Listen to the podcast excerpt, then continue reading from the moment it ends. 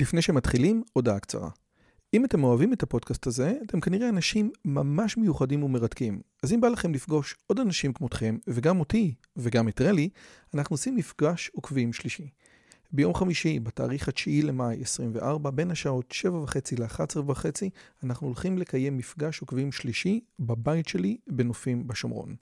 מה בתוכנית?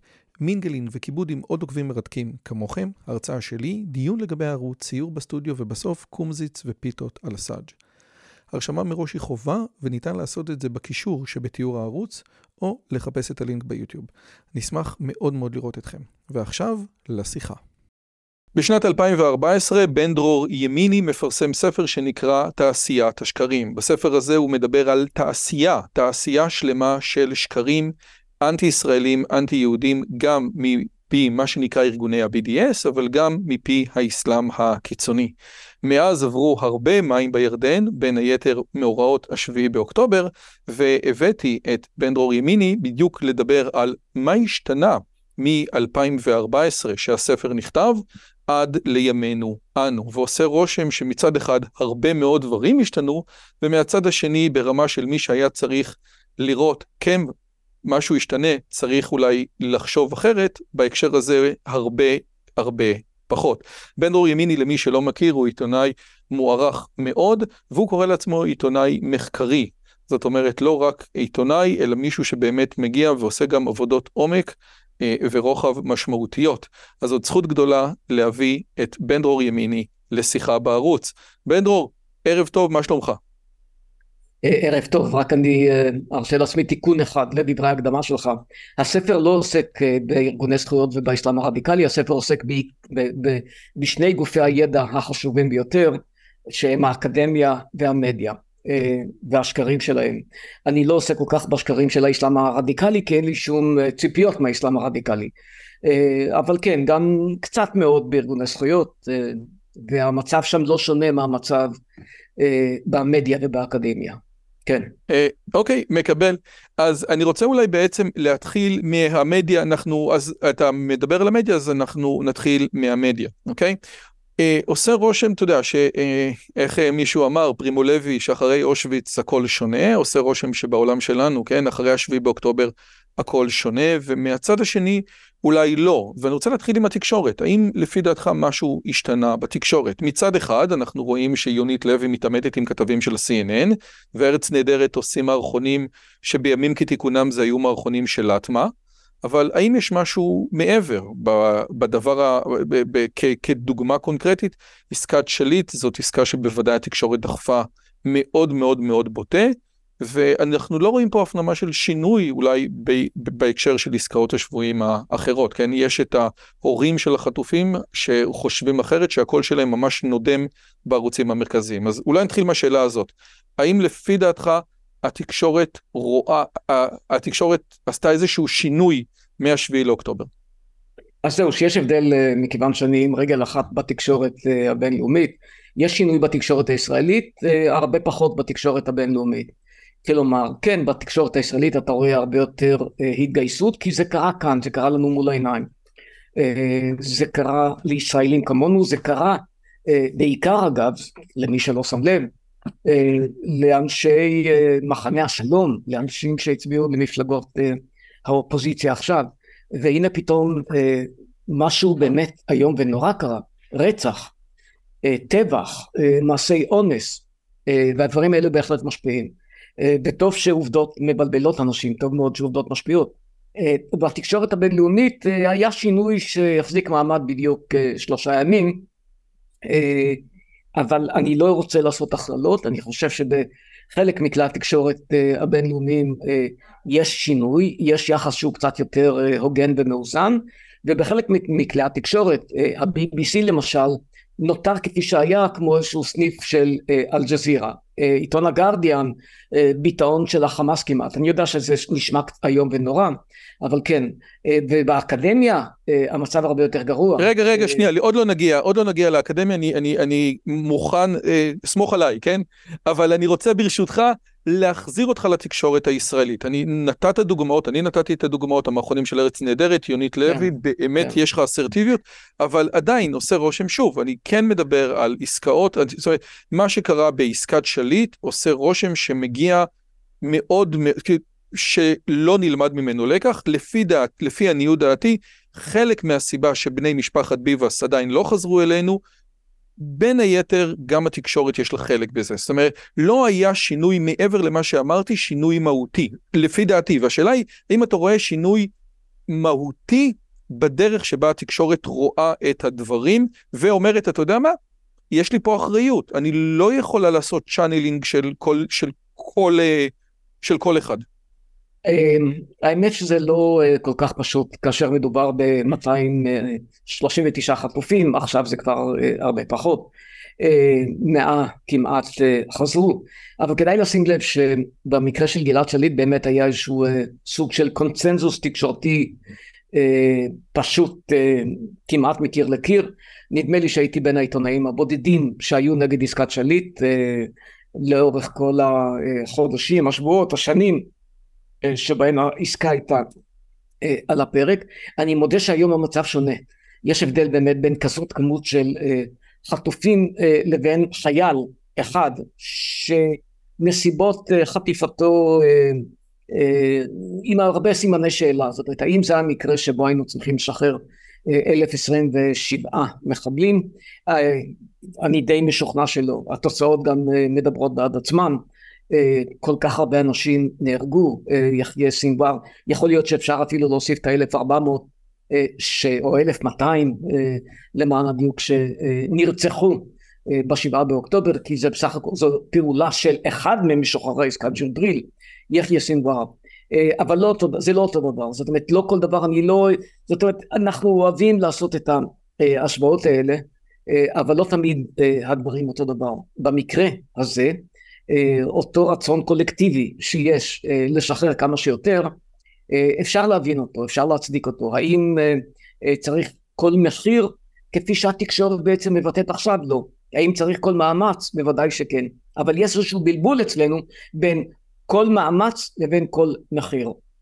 קודם כל, מה שאתה אומר זה ממש ממש נכון, ו- ואולי, וזה רק אה, אה, פעם אחרונה שאני נוגע בסוגיה הזאת, בהקשר הזה יש פה משהו שהוא יותר פשוט, כי חלק מהורי החטופים וחלק ממשפחות החטופים מתנגדות להסכמים, והדבר הזה הוא, הוא שונה לגמרי, זאת אומרת, כי חלק ממה שהתקשורת מביאה, לא לדבר על, זאת אומרת, המונח bring them home now הוא מונח נכון, תפרקו את עם אימא שלהם ותביאו אותם הביתה, כן? כמו שעשה במבצע אנטמבה. אבל הנקודה היא שיש השתקה של חלק ממשפחות החטופים שלא מגיעות עם הדעות הנכונות, ובנושא הזה, כמובן שהדברים שונים. בנושא הזה יש את הדעות שצריכים להבין אותם, שצריכים להעביר אותם, ויש דעות לא נכונות, גם אם הן מגיעות מהורים של חטופים שיושבים עכשיו בעזה. אה, א', זה לא חדש, אה, אנחנו יודעים שהתקשורת, אה, כאילו, מה שקרוב לליבה, זה מה שמגיע קצת יותר לידי ביטוי. במובן הזה אין שום חדש. נכון, יש הורים שחושבים אחרת, ויש גם אנשים שמבטאים את עצמם בתקשורת וב... ובכל מיני, ובטלוויזיה ובהרבה מאוד צ'אנלים שחושבים אחרת. שחושבים אחרת. למשל פרופסור ידידיה שטרן, שלא חשוד בכך שהוא איש ימין, שהביע עמדות קצת שונות. מאמר חשוב מאוד בוויינט, נכון מאוד. נכון, בוויינט, בידיעות אחרונות, בהחלט. כן. אז כן, זאת אומרת, הדברים מקבלים ביטוי. אז אנשים במיעוט, מי שחושב אחרת נמצא קצת במיעוט. אני מודה שגם כן, כשאמרתי איזושהי מילה שהיא טיפ טיפה ביקורתית, אה, חטפתי מאחת מקרובות המשפחה. אני אה, חייב לומר שבגלל הנסיבות אה, אני גם כן לא יותר מדי מתעמת, לא עם קרובי משפחה ולא עם אנשים שהכאב שלהם אישי, פרטי, הוא כבד מנשוא, כבד מנשוא. אז אני לא מתעמת, אבל את העמדות שלי בדברים האלה אני מביע. זהו. עושה רושם, ובאמת נעבור מהחטופים, שיש משהו, היה פופוליזם רצחני, אתה יודע, אה, ליוסי ורטר יש את הציטוט המיתולוגי, אף אחד לא אמר את זה, כן? אף אחד לא אמר לנו שככה יקרה, שאנחנו ניתן להם, אה, אה, אה, להם רובים והם יראו עלינו, כן? באינתיפאדה אה, של לאוס. והנקודה היא ש... ש אה, אף אחד, אתה יודע, עזוב את החטופים, כן? עושה רושם שלגבי ההתנתקות, כן? שאני לצערי הרב הייתי בה בתור uh, חייל, כן? אמרו, אמרו הכל, אתה יודע, רבין ישב בכנסת ואמר הימין מהלך עלינו אימים שיהיו קטיושות על אשקלון, וזה שטות גמורה. והיו המון המון אזהרות ברורות מאוד לגבי כל מה שיקרה אם יקרה, וזה היה ברור לגמרי, אתה יודע, דני אורבך ההיסטוריון אמר טעינו, היו עוד כמה אנשים. עושה רושם, האם לפי דעתך השמאל מתחיל, או, או, או יש לו כיוון של להתחיל להתייחס ברצינות אינטלקטואלית לעמדות של הימין? ולי נראה, זה... לצערי הרב, שלא. לא, אני חייב להודות שב... בשישים הימים האחרונים ראינו הרבה מאוד מאמרים אה, של אנשי שמאל יותר בכירים פחות בכירים אה, של כל מיני סלבריטיז וכולי שמכים על חטא ואומרים רגע אה, משהו פה לא בסדר ראינו את המאמרים האלה והם מתפרסמים כמעט מדי יום בכל מיני עיתונים זה דבר אחד אבל אני רוצה ללכת לעשות ברשותך בבקשה איזשהו זום אאוט ולהבין בעצם את התמונה דווקא מכיוון שאני לא בדיוק ימין ואני לא בדיוק שמאל אז קל יותר לומר את הדברים אה, לימין אה, בגדול אה, יש ראיית עולם הרבה יותר נכונה. כשאני אומר ראיית עולם זאת אומרת כאילו ההתייחסות למצב, ההתייחסות לסיפור הגיאופוליטי שבו אנחנו חיים, ההתייחסות לפלסטינים הרבה יותר נכונה, הרבה יותר נכונה. אבל זה לא אומר שהמסקנות של הימין נכונות. יש פה איזשהו, איזשהו סוג של דיסוננס. אז כשהימין אומר למשל אה, הפלסטינים אה, רוצים גם את תל אביב, הוא צודק, הפלסטינים רוצים גם את תל אביב, הפלסטינים לא רוצים את קווי 67, הוא צודק, הם לא רוצים את קווי 67, אה, אבל המסקנה של הימין היא, אז בואו נקים מדינה אחת מהים עד הירדן.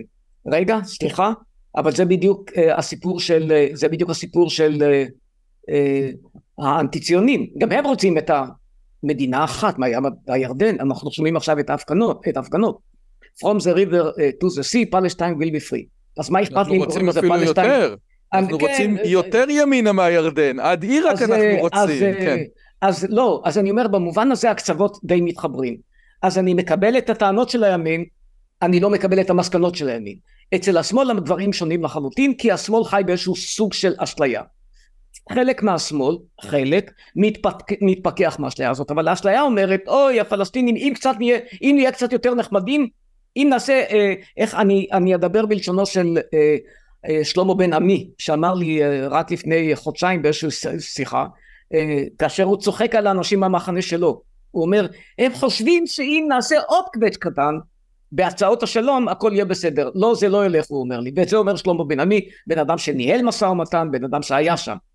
אה, אז שום קווץ' לא יעזור, שום סיפור לא יעזור. כי הרצון הפלסטיני הוא אה, מדינה אחת מהים עד הירדן, הם מוכנים, הם מוכנים לנוסחה של שתי מדינות בתנאי שהשתי מדינות אה, זה אה, שתי מדינות פלסטיניות, כלומר מדינת פלסטין ועוד מדינה שתהיה פלסטינית על ידי זכות השיבה.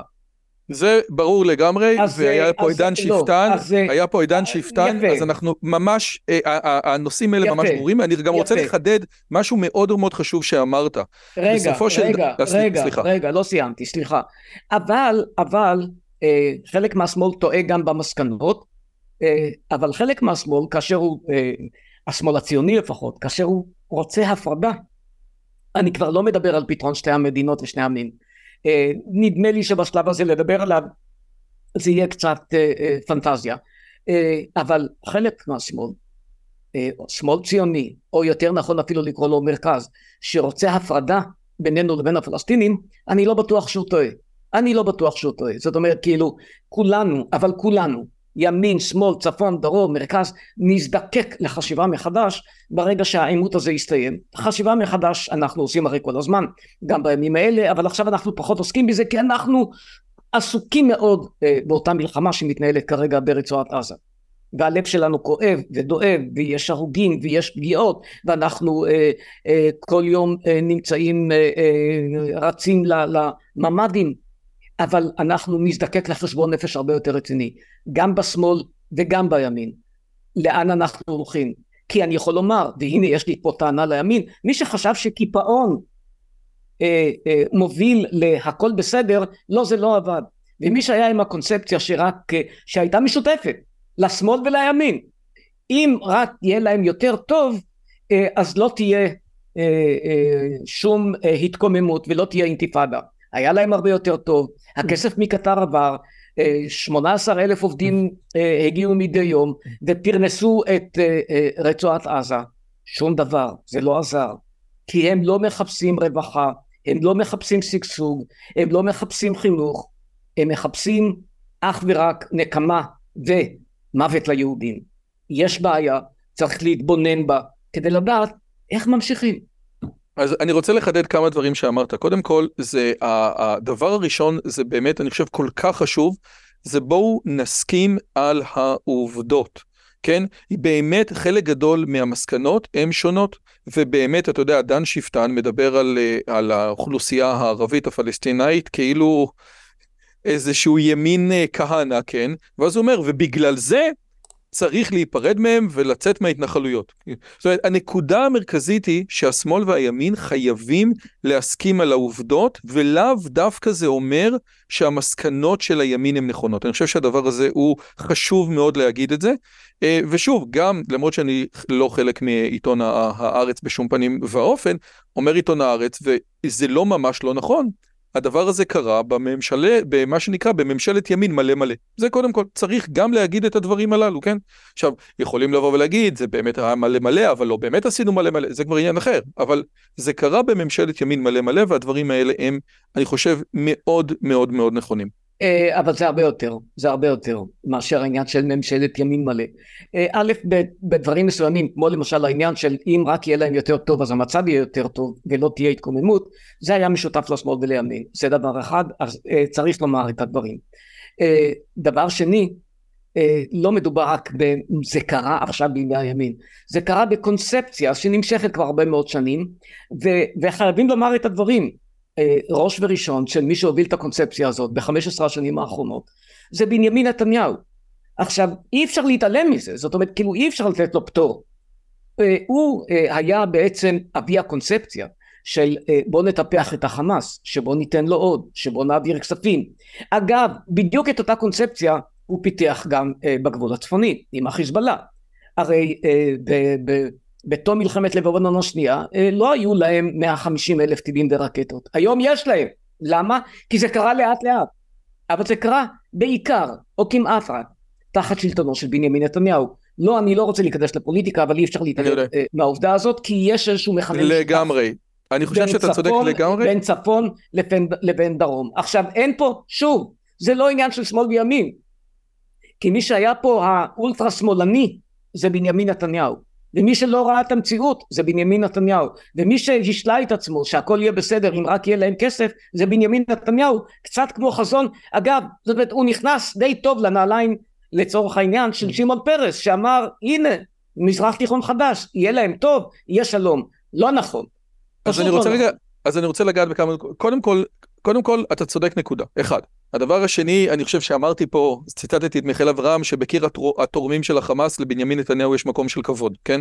שזה בדיוק מה שאתה אומר. הדבר השלישי, אני רוצה אבל לקחת את זה למקום יותר קשה, כי אה, לגבי זה אתה צודק. מיכה גודמן, כן? שאף אחד לא מאשים אותו בחשיבה שטחית, כן? מיכה גודמן בחור רציני, אומר, אני קראתי את אמנת החמאס, וראיתי מה שהם כותבים, כן? בסעיף, בסעיף השביעי, בפרק הראשון בוא נהרוג, אבל אמרתי, נו, זה זה. אני לא, ב, לא רציתי להאמין. לא רציתי להאמין. קראתי את אמנת החמאס, אמר לי אוריה שביט, אני לא מבין. עכשיו, אותו דבר קורה עם מסמכי החזון. זאת אומרת, הרעיון הוא שידענו, אנשים חכמים ידעו, מיכה גודמן שכתב את uh, מלכוד 67, אמר, קראתי את אמנת החמאס ולא רציתי להבין מה שאני קורא, והוא בן אדם חכם, הוא היה יכול להבין מה שהוא קורא. אתה איתי לגבי הנקודה הזאת? א', א', אני לגמרי איתך, וב', אה, אה, תראה, אה, אני חייב להודות שאני מאוד מעריך, מאוד מכיר, מאוד מוקיר את מיכה גודמן, גם יש לנו שיג ושיח, אבל אני לא הייתי שם, אני יודע שכולם עכשיו אוהבים להכות על חטא, אני באופן עקבי, באופן שיטתי, בעשור האחרון, בעשור הקודם, אה, אמרתי חבר'ה שימו לב זה לא רק אמנת החמאס הם חוזרים ואומרים בערוצי הטלוויזיה שלהם אגב אני אומר את זה גם בהרצאות שלי כבר שנים שאני מרצה בקמפוסים בארצות הברית, ואני אומר, אה, החזון שלהם זה חזון השמדה. לא רק שזה, אה, אה, לא רק שאלה לא מילים בעלמא, הם פשוט מתכוונים לכל מילה שהם אומרים. כאשר אתה אומר את זה פעם אחת באופן צדדי, אתה אומר, לא, באמת זה לא היה רציני. ציטוט שהוצא. ציטוט שהוצא מהקשרו. אתה רוצה שאני אקריא לך משהו שכתבתי בשנת 2018? יאללה, וייטר. רגע, כן. שנייה אחת, כן. אני מספר שם על ספר של, של גולדהגן. תליינים מרצון. גרוע ממלחמה, דווקא לא, אני, הספר ההוא מצוין, אבל אני מדבר על הספר שלו של גרוע ממלחמה, ככל שידוע לי גם לא תורגם, Wars than a war, לא תורגם ככל הידוע לי לעברית, ואני כותב שם שאחת מהמסקנות העיקריות שלו היא שלצורך ביצוע ג'נוסייד יש צורך בתהליך של דמוניזציה.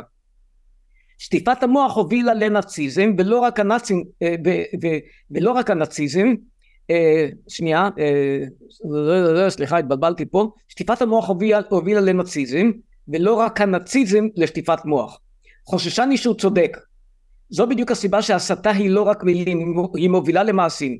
יוסוף קרדאווי שהוא המנהיג הרוחני אגב של החמאס היה נפטר לפני שנתיים מצדיק לא רק את השואה הוא גם מטיף להשלמת המלאכה היהודים המושחתים הוענשו על ידי היטלר אותן והפעם הבאה תהיה על ידי המאמינים כלומר על ידי המוסלמים. אה, מדובר בפוסק החשוב ביותר של האסלאם הסוני בעידן הנוכחי.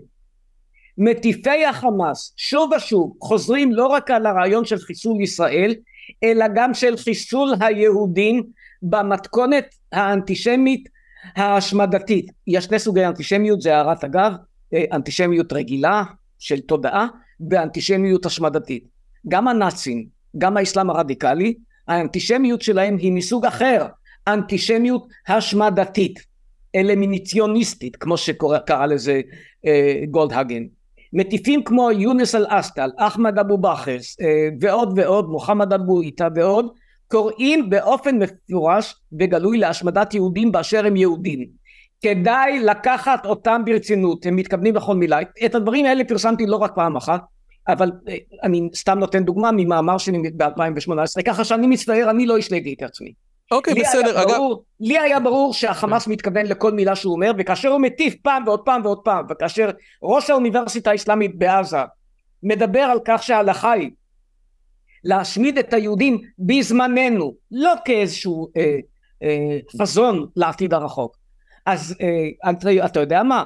אמרו לי כל הזמן, אתה מסכסך, אתה לא מבין, אתה לא מבין שאלה דיבורים בעלמא. לא, אלה לא דיבורים בעלמא. ב-2018 יחיא סינואר, בנאום שהוא נתן על רקע הפגנות השיבה בגבול, זוכרים את ההפגנות האלה שהיו עם כל הבלגן שהיה שם? עוד מעט נגיע אליהם. אמר, אמר, אמר, בצורה מפורשת, הוא אמר בקולו שלו, אנחנו מתכוונים לעבור את הגבול, לפרוץ אותו, להגיע ליישובים הישראלים ולעקור את הלבבות שלהם מתוך הגופות שלהם. זה מה שהוא אמר. הנה, אה, מה אז, הוא אמר. אז אגב, אז רגע, אז, אז אני רוצה רגע לחדד, בגלל שהיה פה המון שיחות, גם עם אפרים מרר על הג'יהאד, וגם עם איתמר מרקוס שחוקר את התקשורת, וגם את התקשורת הפלסטינית וגם את ספרי הלימוד, ומי שנמצא ומכיר את הערוץ הזה, וגם דן שפטן בכמה שיחות, נכון. כל מה שאתה אומר, הדברים האלה, אה, למי שעוקב, ואני עוקב ככה דרך האנשים האלה, הם ברורים לגמרי, זאת אומרת, גם החמאס, גם אש"ף, חלק גדול מאוד מההנהגה של ערביי ישראל, בדיוק אותו דבר. הייתה שיחה שעלתה לפני שבועיים עם דן שפטן על ערביי ישראל, והוא אמר שם דברים אה, ונתונים ברורים מאוד שהם משמעותיים. אני רוצה אבל, אה, מכיוון שאת הנושאים האלה אנחנו טחנו וסגרנו, אני רוצה אולי ללכת על כיוון אחר, בדיוק דיברת על ה... על ההפגנות, כן, ש, ש, אה, על אה, מה שנקרא על צעדות השיבה, אה, אני רוצה להגיע למערכת המשפט שלנו. עושה רושם, וזה מה שאני חושב, והדבר הזה הוא, הוא, הוא משמעותי מאוד, ואני באמת אשמח לשמוע את מה שאתה אומר, שמערכת משפט, או בוודאי מערכת המשפט שלנו, אינטרינזית לא יכולה לתת את הדין, כי אף אחד לא אה, מבקר אותה. אוקיי? יש את הציטוט המפורסם של אהרן ברק, שצה"ל נלחם עם יד קשורה מאחורי הגב. והציטוט הזה הוא ציטוט שהוא הוא, הוא מצד אחד איום ונורא, וגם עכשיו אנחנו רואים את ההתנגדויות של היועצים המשפטיים, את היועמ"שית לגבי סגירת הפיצה בחווארה, ועוד התנגדויות, ראינו כל מיני דברים לגבי פיצול של בתי חולים, שזה ארגון זכויות אדם שאין לו עמידה בפני בג"ץ, וכן בג"ץ ביקש את תשובת הצבא. ועושה רושם שבינתיים משפטנים ויועמ"שים פחות מעיזים, אבל השאלה היא, האם יש לפי דעתך אפשרות להרהורי תשובה במערכת המשפט? אני מזכיר את, ה, את צעדות השיבה ואת הפרימטר, כן? זאת אומרת, אותו קו 300 מטר, שבסוף בג"ץ פסל אותם, אבל חלק גדול בגלל הנושא הזה, בגלל שהפרימטר בוטל, זה חלק גדול ממה שקרה. האם לפי דעתך, אז, אה, לא, יש הרהורי תשובה אז, במערכת תראה, המשפט? אוקיי, מכיוון שבגילי אה, אה, המופלג, נדמה לי שאני יכול לומר שכעיתונאי, אני המבקר, המבקר הוותיק ביותר בתקשורת של מערכת המשפט. שוב ושוב ושוב כתבתי נגד האקטיביזם ונגד הדורסנות השיפוטית ונגד הברקיזם. אין עוד מישהו שיש לו כל כך הרבה מאמרים גם ברמה המשפטית מכיוון שאני גם משפטן ולמדתי משפטים אה, אז, אבל אני עושה הפרדה בין שני דברים. יש לי ביקורת אה, נוקבת על האקטיביזם, אני כן חושב שצריך רפורמה, בואו לא נאשים אבל, וזה התוספת שלי, בואו לא נאשים את בג"ץ במה שקרה. אפשר לבקר את הפסיקות שלו, אבל אין שום קשר, החמאס לא מתחשב אה, במה שבג"ץ אומר או לא אומר, וזה שייתנו להם 300 מטר או לא 300 מטר, 300 מטר זה לא. הוראות הפתיחה באש הבג"ץ לא התערב בניגוד לכל מיני טענות שהושמעו לאחרונה גם על ידי יריב לוין וגם על ידי אחרים.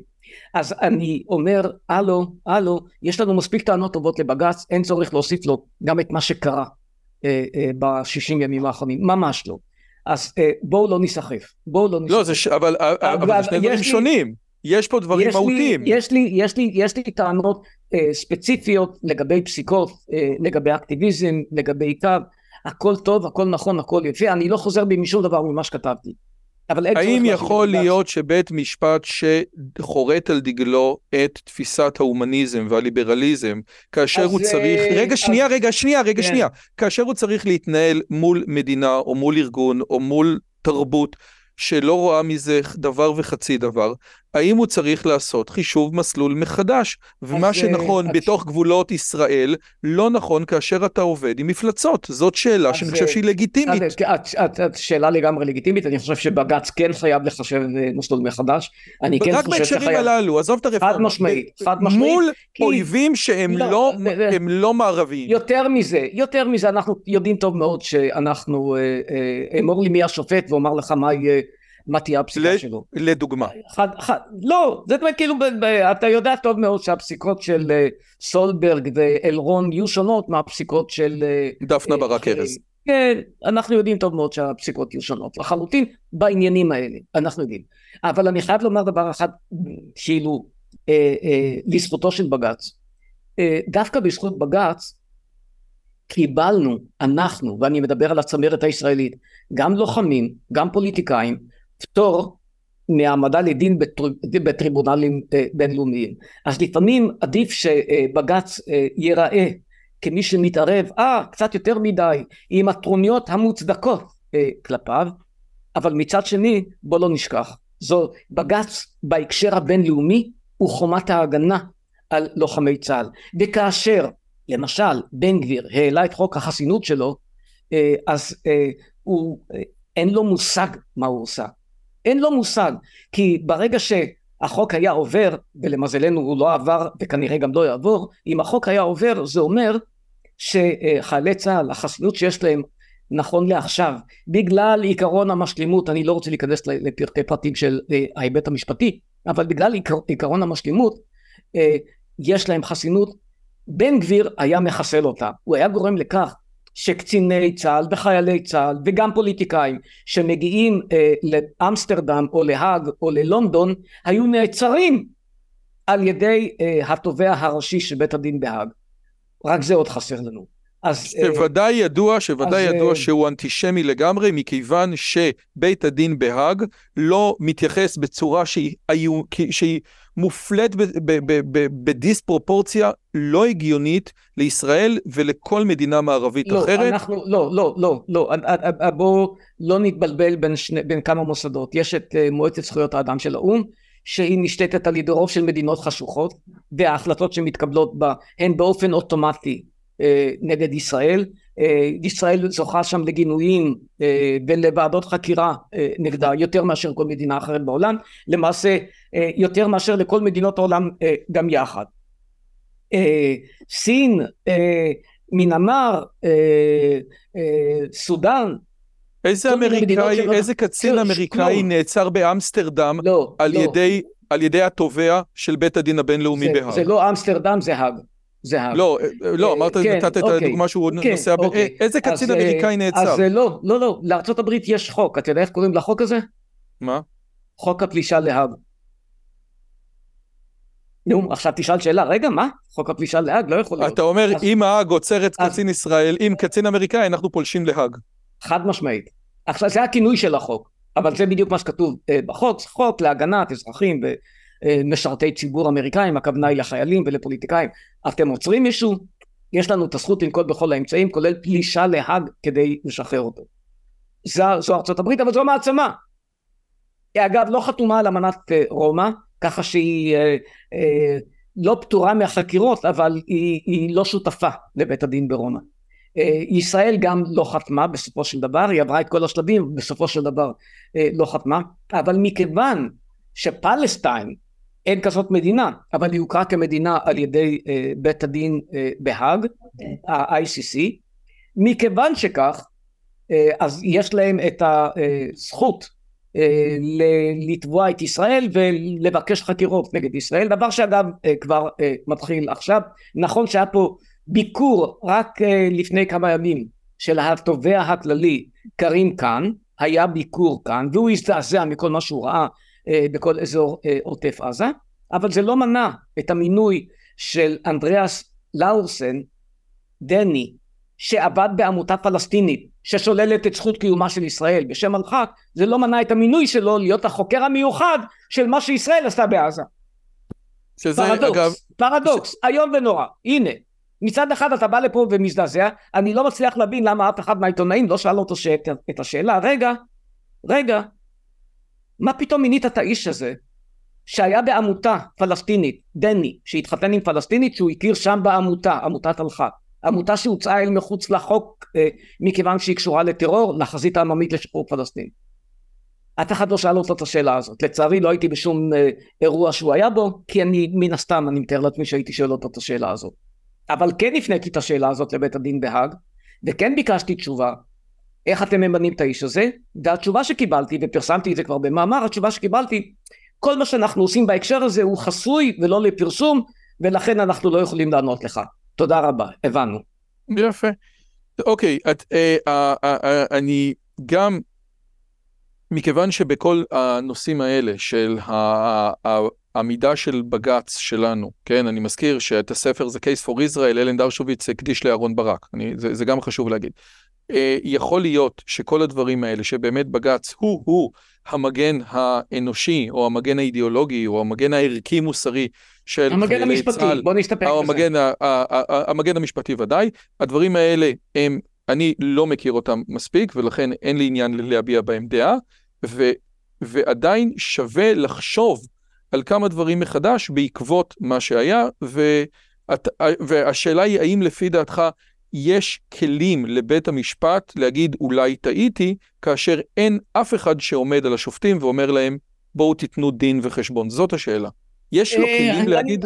מדובר, מדובר פה, מדובר בתהליכים. אני חושב שבית המשפט העליון, אה, בעיקר בשבתו כבג"ץ, אה, עשה הרבה מאוד טעויות. למשל, סתם כדוגמה, בעצם העובדה שהוא אישר את המועמדות של אדם כמו עזמי בשארה לכנסת, בהמשך, בהמשך אה, חנין זורבי, בהמשך עופר כסיף, אני חושב שהוא נתן יד לרדיקליזציה, הוא נתן יד לכך שבעצם אה, ערביי ישראל, המנהיגות שלהם בעיקר, הפכה להרבה יותר קיצונית, כי אם יש לנו את גיבוי בית המשפט, אז מותר לנו בעצם לומר הכל ולעשות הכל ולפעול בעצם באופן, באופן הבוטה ביותר אה, נגד מדינת ישראל, ולהזדהות ברמה זאת או אחרת בעצם עם ארגוני הטרור.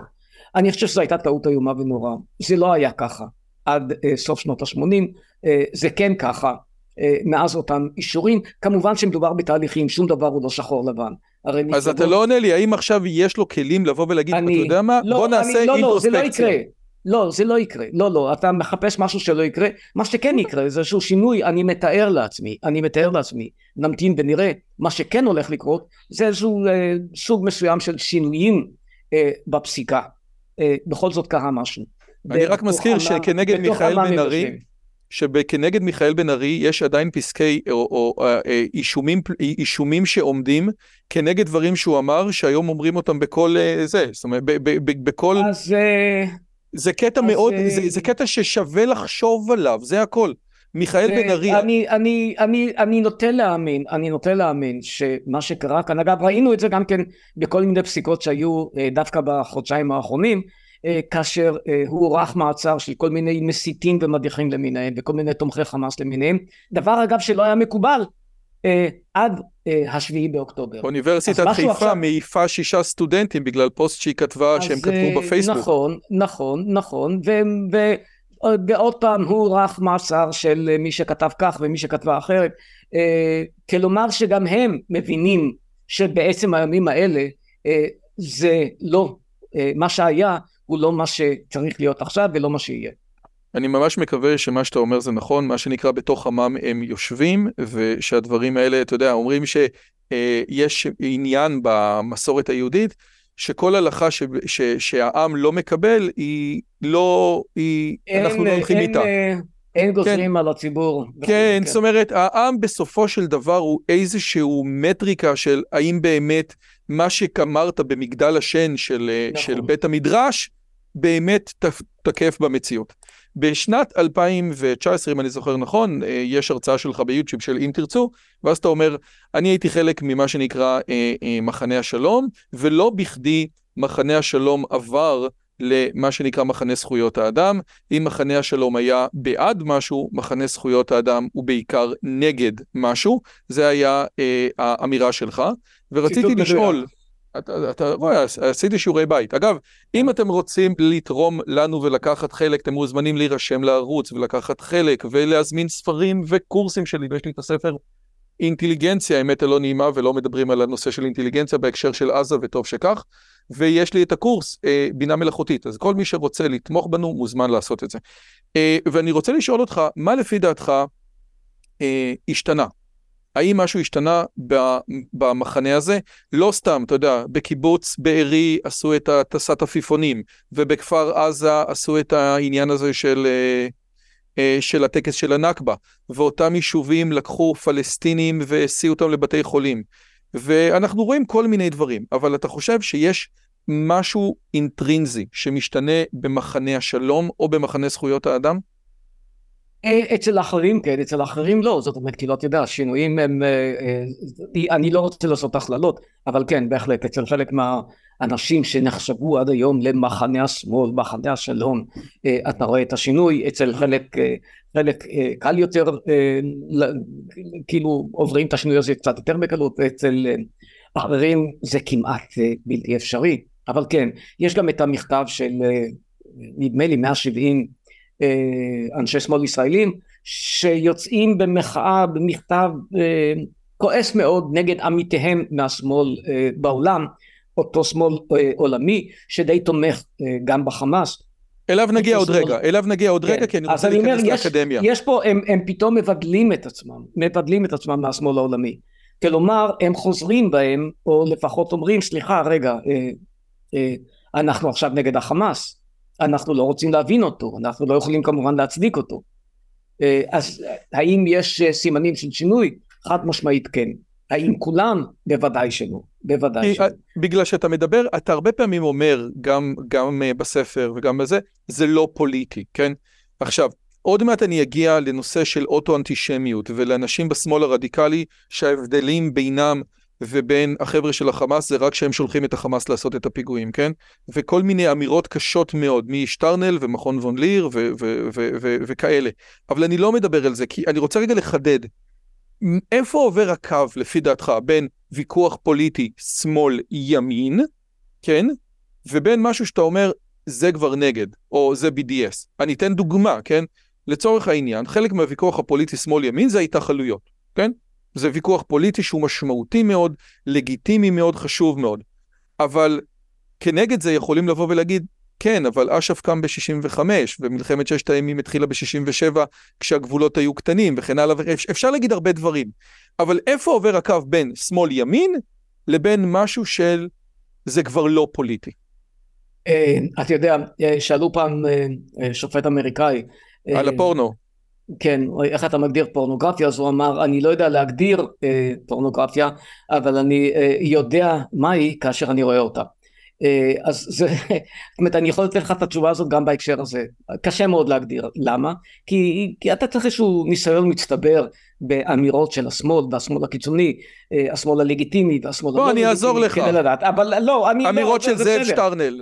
אז אה, כאילו זאב שטרנל אה, בעצם שלמה אה, זן. הלך לעולמו של, לא שלמה זן הוא אנטי ציוני מובהק זאב שטרנל לפחות היו לו יומרות לומר שהוא לא מתנגד לקיומה של מדינת ישראל כמדינה יהודית ודמוקרטית אבל כל הרטוריקה שלו בעולם והתמק... ואני הספקתי כבר להתפלמס איתו למשל בעיתון למונד הוא שם היה כוכב אורח כי מאוד אהבו את המאמרים הכל כך אנטי ישראליים שלו, מאמרים שהפכו את ישראל למדינה גזענית אה, אה, ונתנו לי גם לענות לו, אני אומר, אומר את זה לזכותם שזה לא תמיד קורה.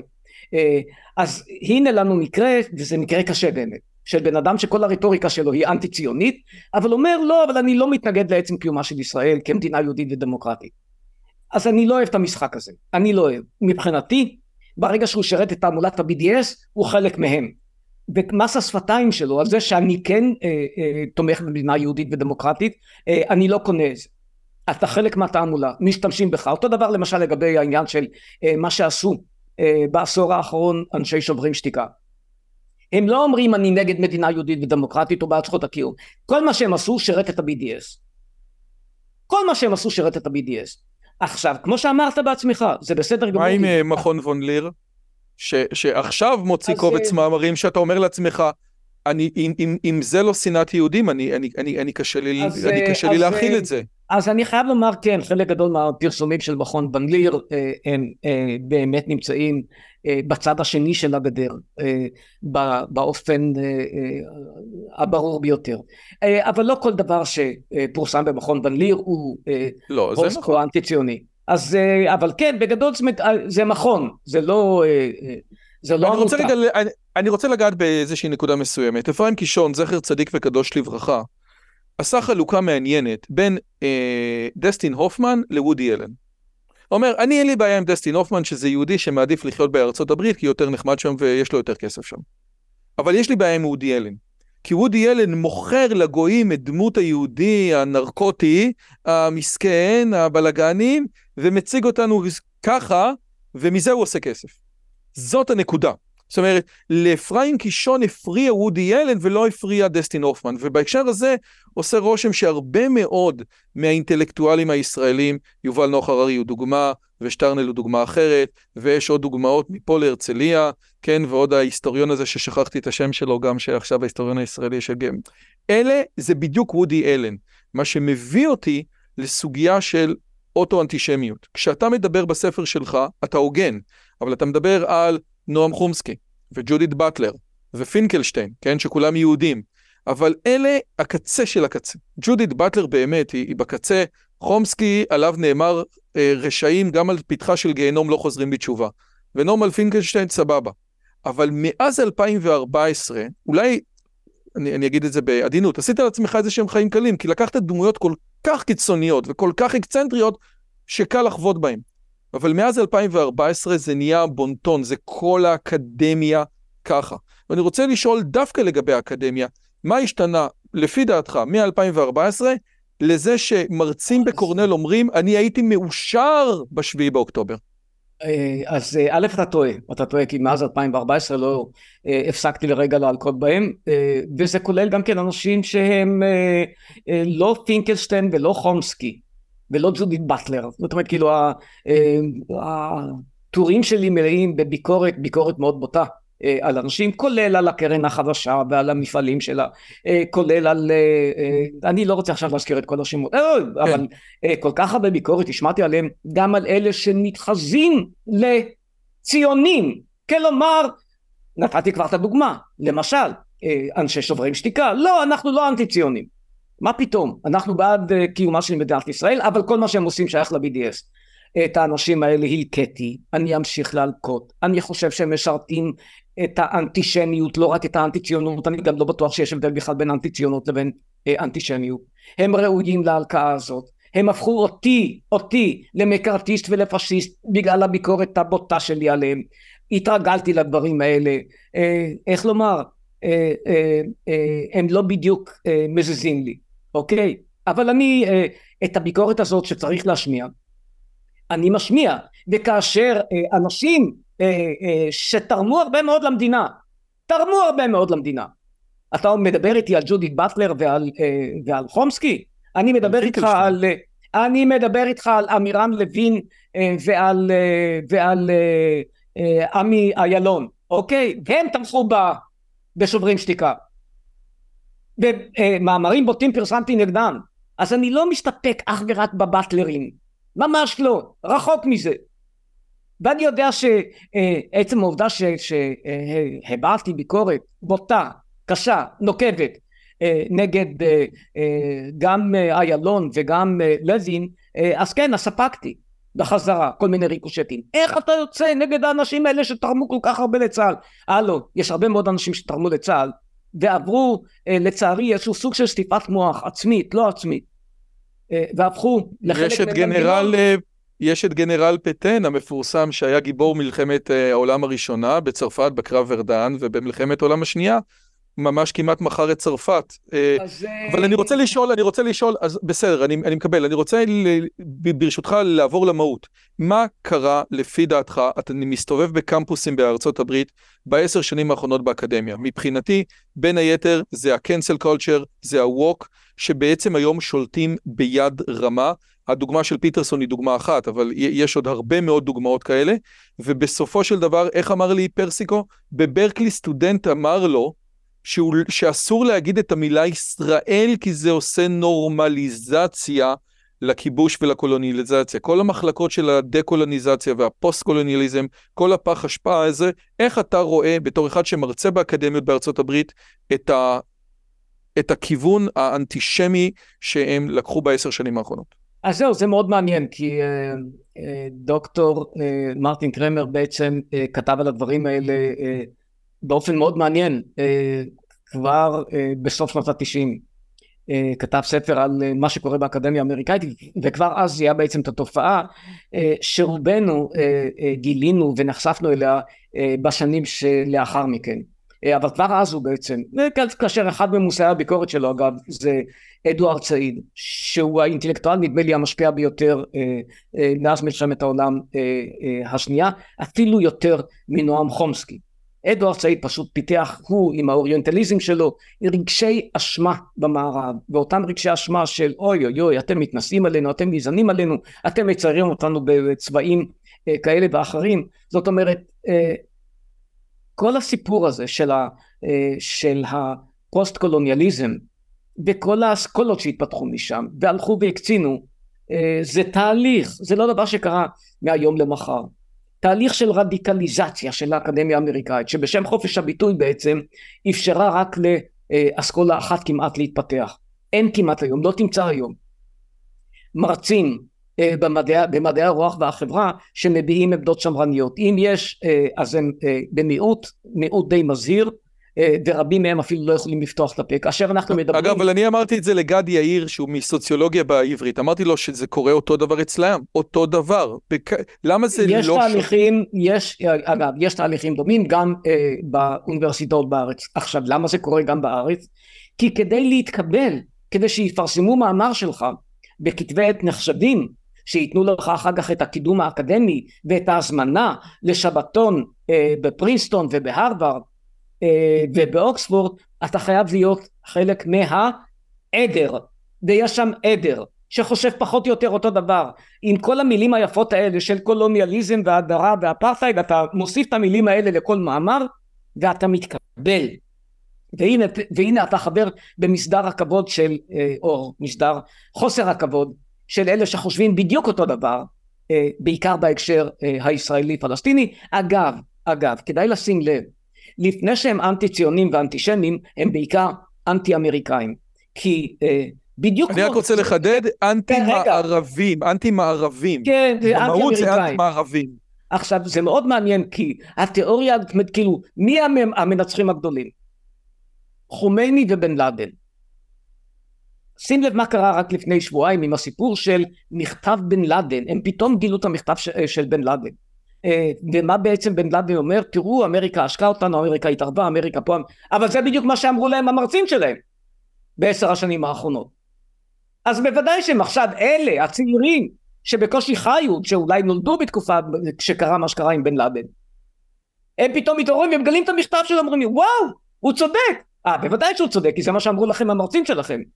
הם עברו שטיפת מוח איומה ונוראה שאמריקה היא בעצם השטן הגדול וישראל היא השטן הקטן זה מה שאמר חומייני, זה מה שאמר אה, אה, בן לאדן, ושים לב מה קורה היום באקדמיה האמריקאית. אה, זה עצוב, זו טרגדיה. אבל כן, אלה שני המנצחים הגדולים בעצם, כאשר אתה מדבר היום על הרוח ששורה בקמפוסים אה, בארצות הברית. טרגדיה, לא פחות אני, אני רוצה לשאול שאלה, והשאלה היא מה אפשר לעשות, ויש כמה פתרונות, ופתרון אחד זה הפתרון של פורום קהלת, שזה אומר פשוט תפסיק להם את המימון. מי שרוצה ללמוד שטויות, שילמד את זה על חשבון עצמו. אורבן עשה את זה, כולם, כולם צעקו עליו, אבל אני חושב שיש בנקודה רצינית. פשוט לכל המחלקות האלה שהן לא מחלקות פרודוקטיביות כמו כלכלה או סטטיסטיקה, פשוט להפסיק את המימון. ואופציה אחרת, זה, אנשים כבר דיברו על זה הרבה, בוא תחזור מה שנקרא לספרים הגדולים או להישגים הגדולים של התרבות המערבית. ג'ורדן פיטרסון בימים אלו מעלה איזושהי אקדמיה אלטרנטיבית למדעי הרוח, והשאלה היא, יש פה כל כך הרבה בלגן וטינופת, שהשאלה היא, אוקיי, איך אני, מה אני עושה עם זה? אתה יודע, הפרסיקו ממש מרגיש כשמאלן שהיה בברקלי, וגם חברים אחרים, אתה יודע, אה, פרופסור דוד הד שאירחתי אותו, והוא לא רצה לבוא לערוץ לבית שלי כי אני מתנחל וגר בשומרון, אבל הוא כן דיבר על זה שכל הקולגות שלו רואים את הדברים אחרת, לא שואלים, אומר, אף אחד לא שואל, מה קורה, איך אתם מרגישים, יש לכם, אתה יודע, הוא אומר, זה טירוף מוחלט. והם פתאום גילו שאין, שאין להם חברים. שהרעיון הזה של, ה, של הפוסט-קולוניאליזם ולהיות עם המסכנים, הם הלכו צעד אחד רחוק מדי והם פשוט פספסו את העגלה. ומה לפי דעתך ניתן לעשות? אם אני לא רוצה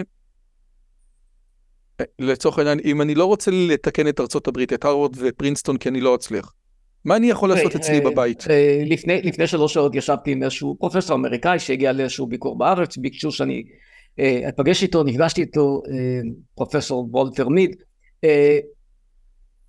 והוא אמר לי דבר מאוד מעניין, הוא אומר לי, תשמע, אני הייתי סטודנט בשנות ה-60, אנחנו היינו אלה שהפגנו והיינו ליברליים וחופשיים ופרוגרסיביים כבר אז, תמיד האקדמיה הייתה כזאת, זה לא משהו חדש, הוא אומר אה, אה, נגד האימפריאליזם ונגד הקפיטליזם, אומר וברגע שסיימנו אוניברסיטה אה, אה, כל אלה שדיברו גבוהה גבוהה נגד הקפיטליזם אה, הלכו לעבוד אה, בחברות אה, אה, של וול סטריט אז יש איזשהו פער בין מה שקורה להם בשלבים האלה לבין מה שקורה להם מיד כאשר הם מסיימים ללמוד. הדוגמה אולי הטובה ביותר היא גם כן אוקספורד, אותו מועדון ויכוחים שהחליט כבר ב-1933 מיד עם עליית אה, היטלר לשלטון. החליט שאנחנו בשום פנים ואופן לא נצא להילחם בשם המלכה. לא נצא להילחם. נגד היטלר כמובן. בסופו של דבר אחוזי הגיוס מאוקספורד היו למעלה מתשעים. אגב בן שפירו אני רק רוצה לחדד בן שפירו היה בדיוק באוקספורד בדיבייט לאחרונה ואחד הדברים שהוא אמר זה שבפעם הראשונה בחיים הוא מאוד מאוד פחד לחייו.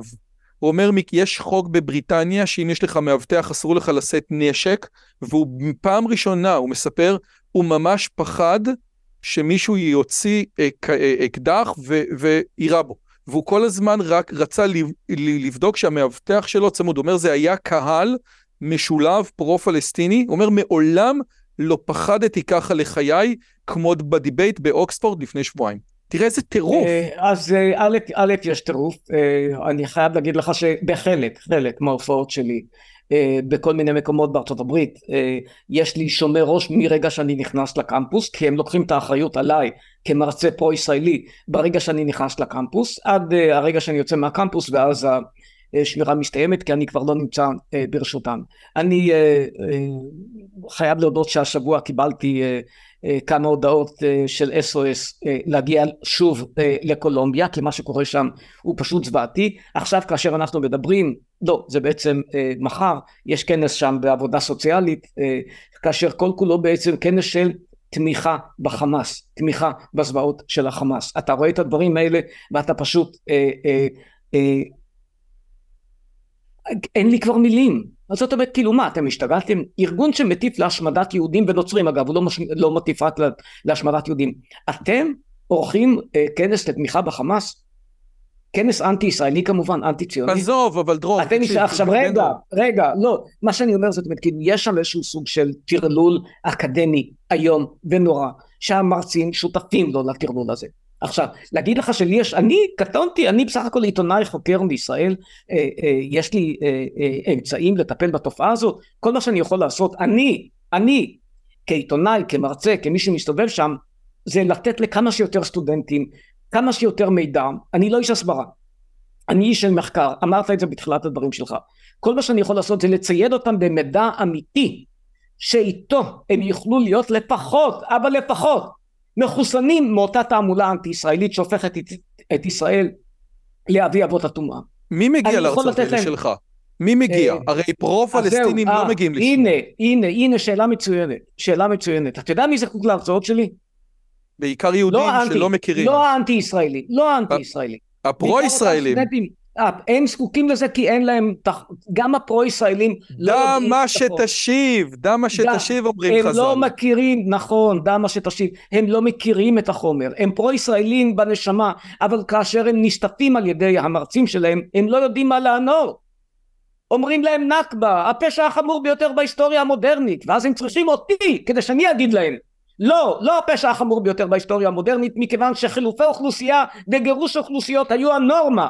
עד שנת 1950 נורמה שהייתה אפילו מעוגנת במשפט הבינלאומי שעשרות מיליונים עברו את החוויה הזו של נכבה ונכבה ונכבה ונכבה בכל סכסוך. אבל כשעושים להם את ה singling out של הסיפור הפלסטיני ומציגים להם את ישראל כמי שביצע פשע איום ונורא אז הם מאמינים כי הם לא יודעים. וכאשר הם אומרים שהפרויקט הציוני הוא פרויקט קולוניאליסטי שוב אין להם מושג על מה הם מדברים. והם צריכים אותי כדי להסביר להם שהציונות קמה על רקע על רקע של אה, הכרה בזכות ההגדרה העצמית. והתנועה הציונית כמו עוד הרבה תנועות היו תנועות בעצם אנטי קולוניאליסטיות זאת אומרת זה היה במסגרת פירוק הכוחות הקולוניאליסטיים והאימפריאליסטיים. אבל הם לא יודעים את זה. הם צריכים אותי כדי שאומר להם את הדברים האלה או כשאומרים לצורך העניין שישראל לא עושה רצח עם או ג'נוסייד. והם לא יודעים על הנכבה היהודית, הם יודעים על הנכבה הפלסטינית, ועוד ועוד ועוד ועוד. הפרהוד זה רק חלק קטן כן. כמובן מתוך כל ה...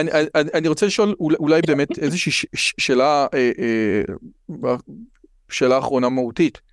אני הייתי יכול להבין שאנטישמיות ושנאת יהודים מעבירים את האדם על דעתו. זה אני יכול להבין. באמת, איך אומרים, שנאת יהודים זה דבר שאנחנו מכירים כבר אלפי שנים.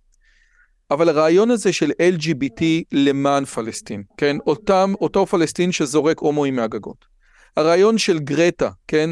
שמבחינה, שאיך אומרים, שפשוט זיהמה את המאבק האקלימי בפלסטין, כאשר ברור לגמרי שמי שעושה הכי הרבה...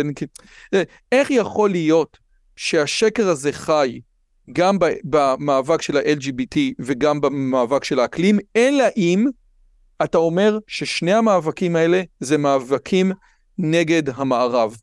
ואז אם אקלים זה נגד המערב, אז אנחנו נהיה עם מי שנגד המערב, ואם ה-LGBT זה נגד המערב, אז נהיה נגד המערב.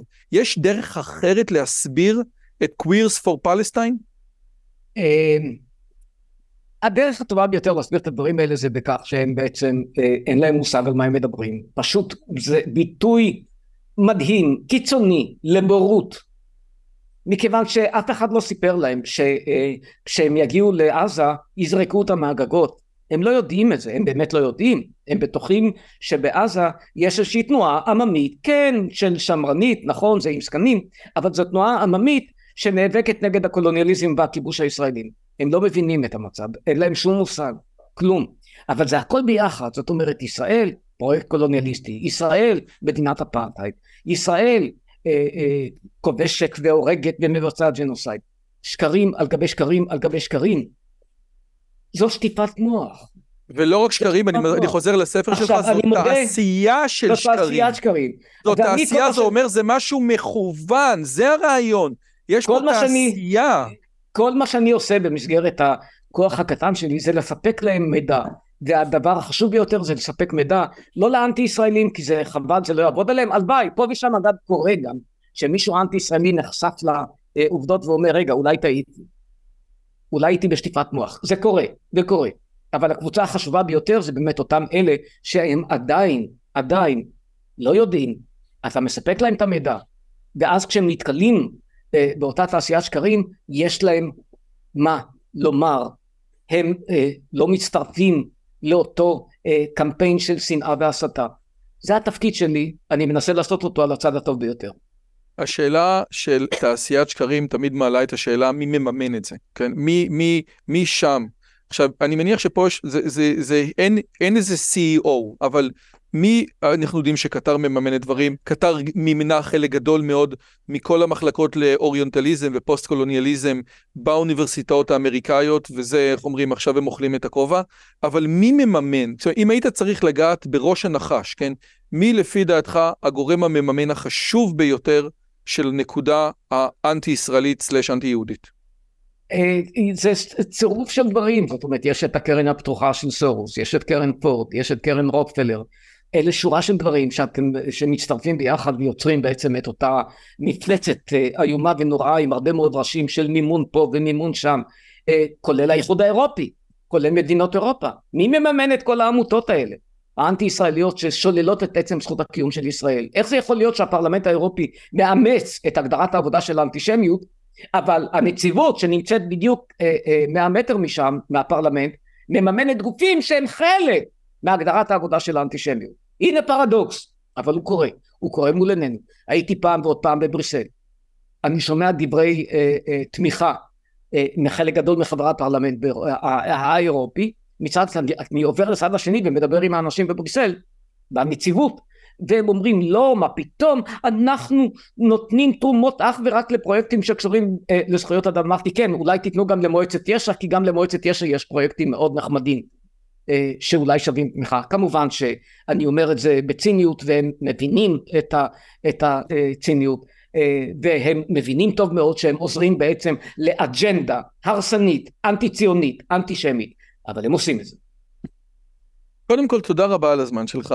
אני, אחד הדברים, ודיברתי גם עם אה, אורן שעושה הרבה מאוד אה, סרטונים ב Traveling Israel נגד הסיפור הזה, והוא אמר, יש המון אנשים שלא יודעים כלום שהם ישראלים. מה שאתה מדבר על הקמפוסים בארצות הברית, הרבה מאוד ישראלים לא מבינים לצורך העניין שהסכמי אוסלו, לו יצויר שהם היו עובדים, היו פותרים את הבעיה רק לשליש מהפלסטינים, ושני שליש לא היו פותרים, וכן הלאה וכן הלאה. העיתון המפורסם ביותר בעזה נקרא אל הים, כן, של הרשות הפלסטינית, אל הים, כי זה מה שמעניין אותם, להגיע אל הים, וכן הלאה וכן הלאה. מי שרוצה לדעת יותר על הסכסוך הזה, הוא לא היה פוליטי, אף פעם לא עניין אותו, אבל עכשיו הוא אומר, תקשיב, באמת יש פה מלחמה על זה שאני יהודי, ובאמת אני רוצה לדעת למה אני לא קולוניאליסט, ולמה אני לא עשיתי נכבה. איזה ספר, חוץ מתעשיית השקרים, שהוא ספר מעולה, היית ממליץ לו לקרוא? אה, אתה שואל אותי שאלה קשה, כאילו אני ממש לא יודע. יש כמובן, הזכרת את הספר של אה, אה, דרשוביץ. זה case for Israel. כן, אני מנסה לחשוב, זאת אומרת כאילו אפשר גם כן את הספר של עינת וילף ועדי שוורץ על מלחמת זכות השיבה, ספר מצוין. איזה עוד ספרים שעוסקים בנושאים האלה. אתה יודע מה, אה, כשקוראים אה, את ה, בעיקר את הספרים החדשים של בני מוריס, למרות שיש לי איתו ויכוח קצת בזמן האחרון, אה, נדמה לי שגם הם, דווקא מי שקורא אותם ביום יודע שהם מפריחים חלק גדול מהטענות האנטי ישראליות והאנטי ציוניות. זהו, חלק מהבעיה זה שבאמת אין הרבה. אני יכול לתת לך, לומר לך שדברים שכתבו אנשים כמו, דווקא מאלה שנחשבים לשמאל ציוני, בני כמו... מוריס אגב הוא דמות שאי אפשר להאשים אותו בימין פנאטי, אני אגיד את זה ממש בעדינות. לא, ממש לא, ממש לא, וכמו שאמרתי לך בזמן האחרון יש לנו ויכוח אה, מאוד קשה ומאוד נוקב, אני לא אכנס לזה כי זה סיפור בפני עצמו, אה, אבל אה, אנשים כמו מי שהלך לעולמו רק לפני אה, שלושה ימים, פרופסור שלמה אבינרי, אה, פרופסור אמנון רובינשטיין, אה, פרסומים שלהם, אה, דברים שהם כתבו בהקשר של אה, התנועה הציונית בהחלט מאוד מאוד מאוד אה, חשובים. לא, יש היסטוריונים הגונים שגם הכתבים שלהם בהחלט טובים וראויים, אין מספיק, אין מספיק, ופה אני ניסיתי להיכנס במקום ש, שקצת היה חסר, אין מספיק אנשי אקדמיה שעשו את הזום אאוט כדי לראות את התמונה היותר גלובלית. כלומר, נתתי את הדוגמה של הנכבה, להבין שבעצם נכבה זה סיפור שקרה, סליחה, אה, במאה הקודמת כמעט בכל סכסוך. כאשר, כאשר אתה לא מכיר את הדברים האלה, קל מאוד להגיע למסקנה שישראל, וואו, ישראל ביצעה פשע חמור איום ונורא. לא דובים ולא יער, מי שהכריז השמדה אה, והתוצאה הייתה בריחה וגירוש, אל נא יבוא בטענות לישראל אלא לעצמו. אותו דבר אפשר להגיד על אבו גוש, שדווקא קהילות ערביות שהחליטו לקשור את גורלם ביחד עם גורל ישראל, הדרוזים מצד אחד, אבו גוש מהצד השני, נכון. זה קהילות שעד היום נכון. לוקחות חלק משמעותי מאוד בתוך הסיפור הזה. אני חושב שההתלהבות והסולידריות של הקהילה הדרוזית עם הקהילה היהודית-ישראלית היא הוכחה שלא רק ישראל, שלא רק מחפשים פה יהודים, בכלל, זאת היא סתם עוד נקודה אחת, ויש עוד, עוד פעם, המון המון המון נקודות. כשדיברתי עם דן שפטן אמר, לא צריך ספר שיעשה אינדוקטרינציה, רק צריך לספר את העובדות, והעובדות עושות את כל העבודה. חד משמעית. אה, בן דרור ימיני, תודה רבה על הזמן שלך, זה היה מרתק. רוצו לקנות, אתה, אתה מתכנן תעשיית שקרים מעודכן? אני, אני מודה שאני, למשל, הספר באנגלית הרבה יותר מעודכן, אה, הספר כן, בצרפתית כן, עוד יותר מעודכן. אה, כי הוא יצא יותר מאוחר עם העדכונים. אה, עכשיו, אה, בדיוק בימים האלה חתמתי על הסכם להוצאת הספר בספרדית, הוא יצא בפורטוגזית, הספרדים קינאו, אמרו אנחנו גם רוצים, אז, והוא יהיה עוד יותר מעודכן. כן, יכול להיות מאוד שאני אוציא, זאת אומרת, רצף האירועים, מה שקרה כאן בחודשיים האחרונים אה, יכול להיות שדי מבהירים שחייבים אה, מהדורה הרבה הרבה יותר אה, מעודכנת. לגמרי. תודה רבה על הזמן שלך. תודה רבה, והמשך נעים. אם הגעתם עד לכאן, מגיע לכם כל הכבוד. אז תנו לי להגיד לכם שלושה דברים קצרים. הדבר הראשון, אם שמעתם משהו בשיחה שמעניין אתכם, שאתם רוצים לקחת הלאה, פשוט ספרו אותו לאנשים אחרים. משהו מעניין שאני אמרתי, משהו מעניין שהאורח שלי אמר, איזשהו רעיון שאתם רוצים לקחת איתכם לחיים, פשוט ספרו אותו לחבר או לחברה. זאת הדרך הטובה ביותר לזכור את הרעיונות מתוך השיחות האלה. הדבר השני, אם אתם רוצים לקחת חלק בקהילה שלנו ולפגוש ולדבר עם אנשים כמוכם, אתם מוזמנים לערוץ הטלגרם שלנו, שווה לכם מאוד. פשוט תראו עוד אנשים שמתעניינים בדברים מגניבים בדיוק כמוכם. והדבר האחרון, אם אתם יכולים, דרגו את הערוץ שלנו באפליקציית הפודקאסטים שלכם, זה יכול להיות בספוטיפיי, באפל פודקאסט או בגוגל פודקאסט, זה תהליך קצר של שתי שניות, הוא מאוד מאוד יעזור לנו להפיץ את הבשורה הלאה. שיהיה לכם כיף גדול וכיף בשיחה הבאה.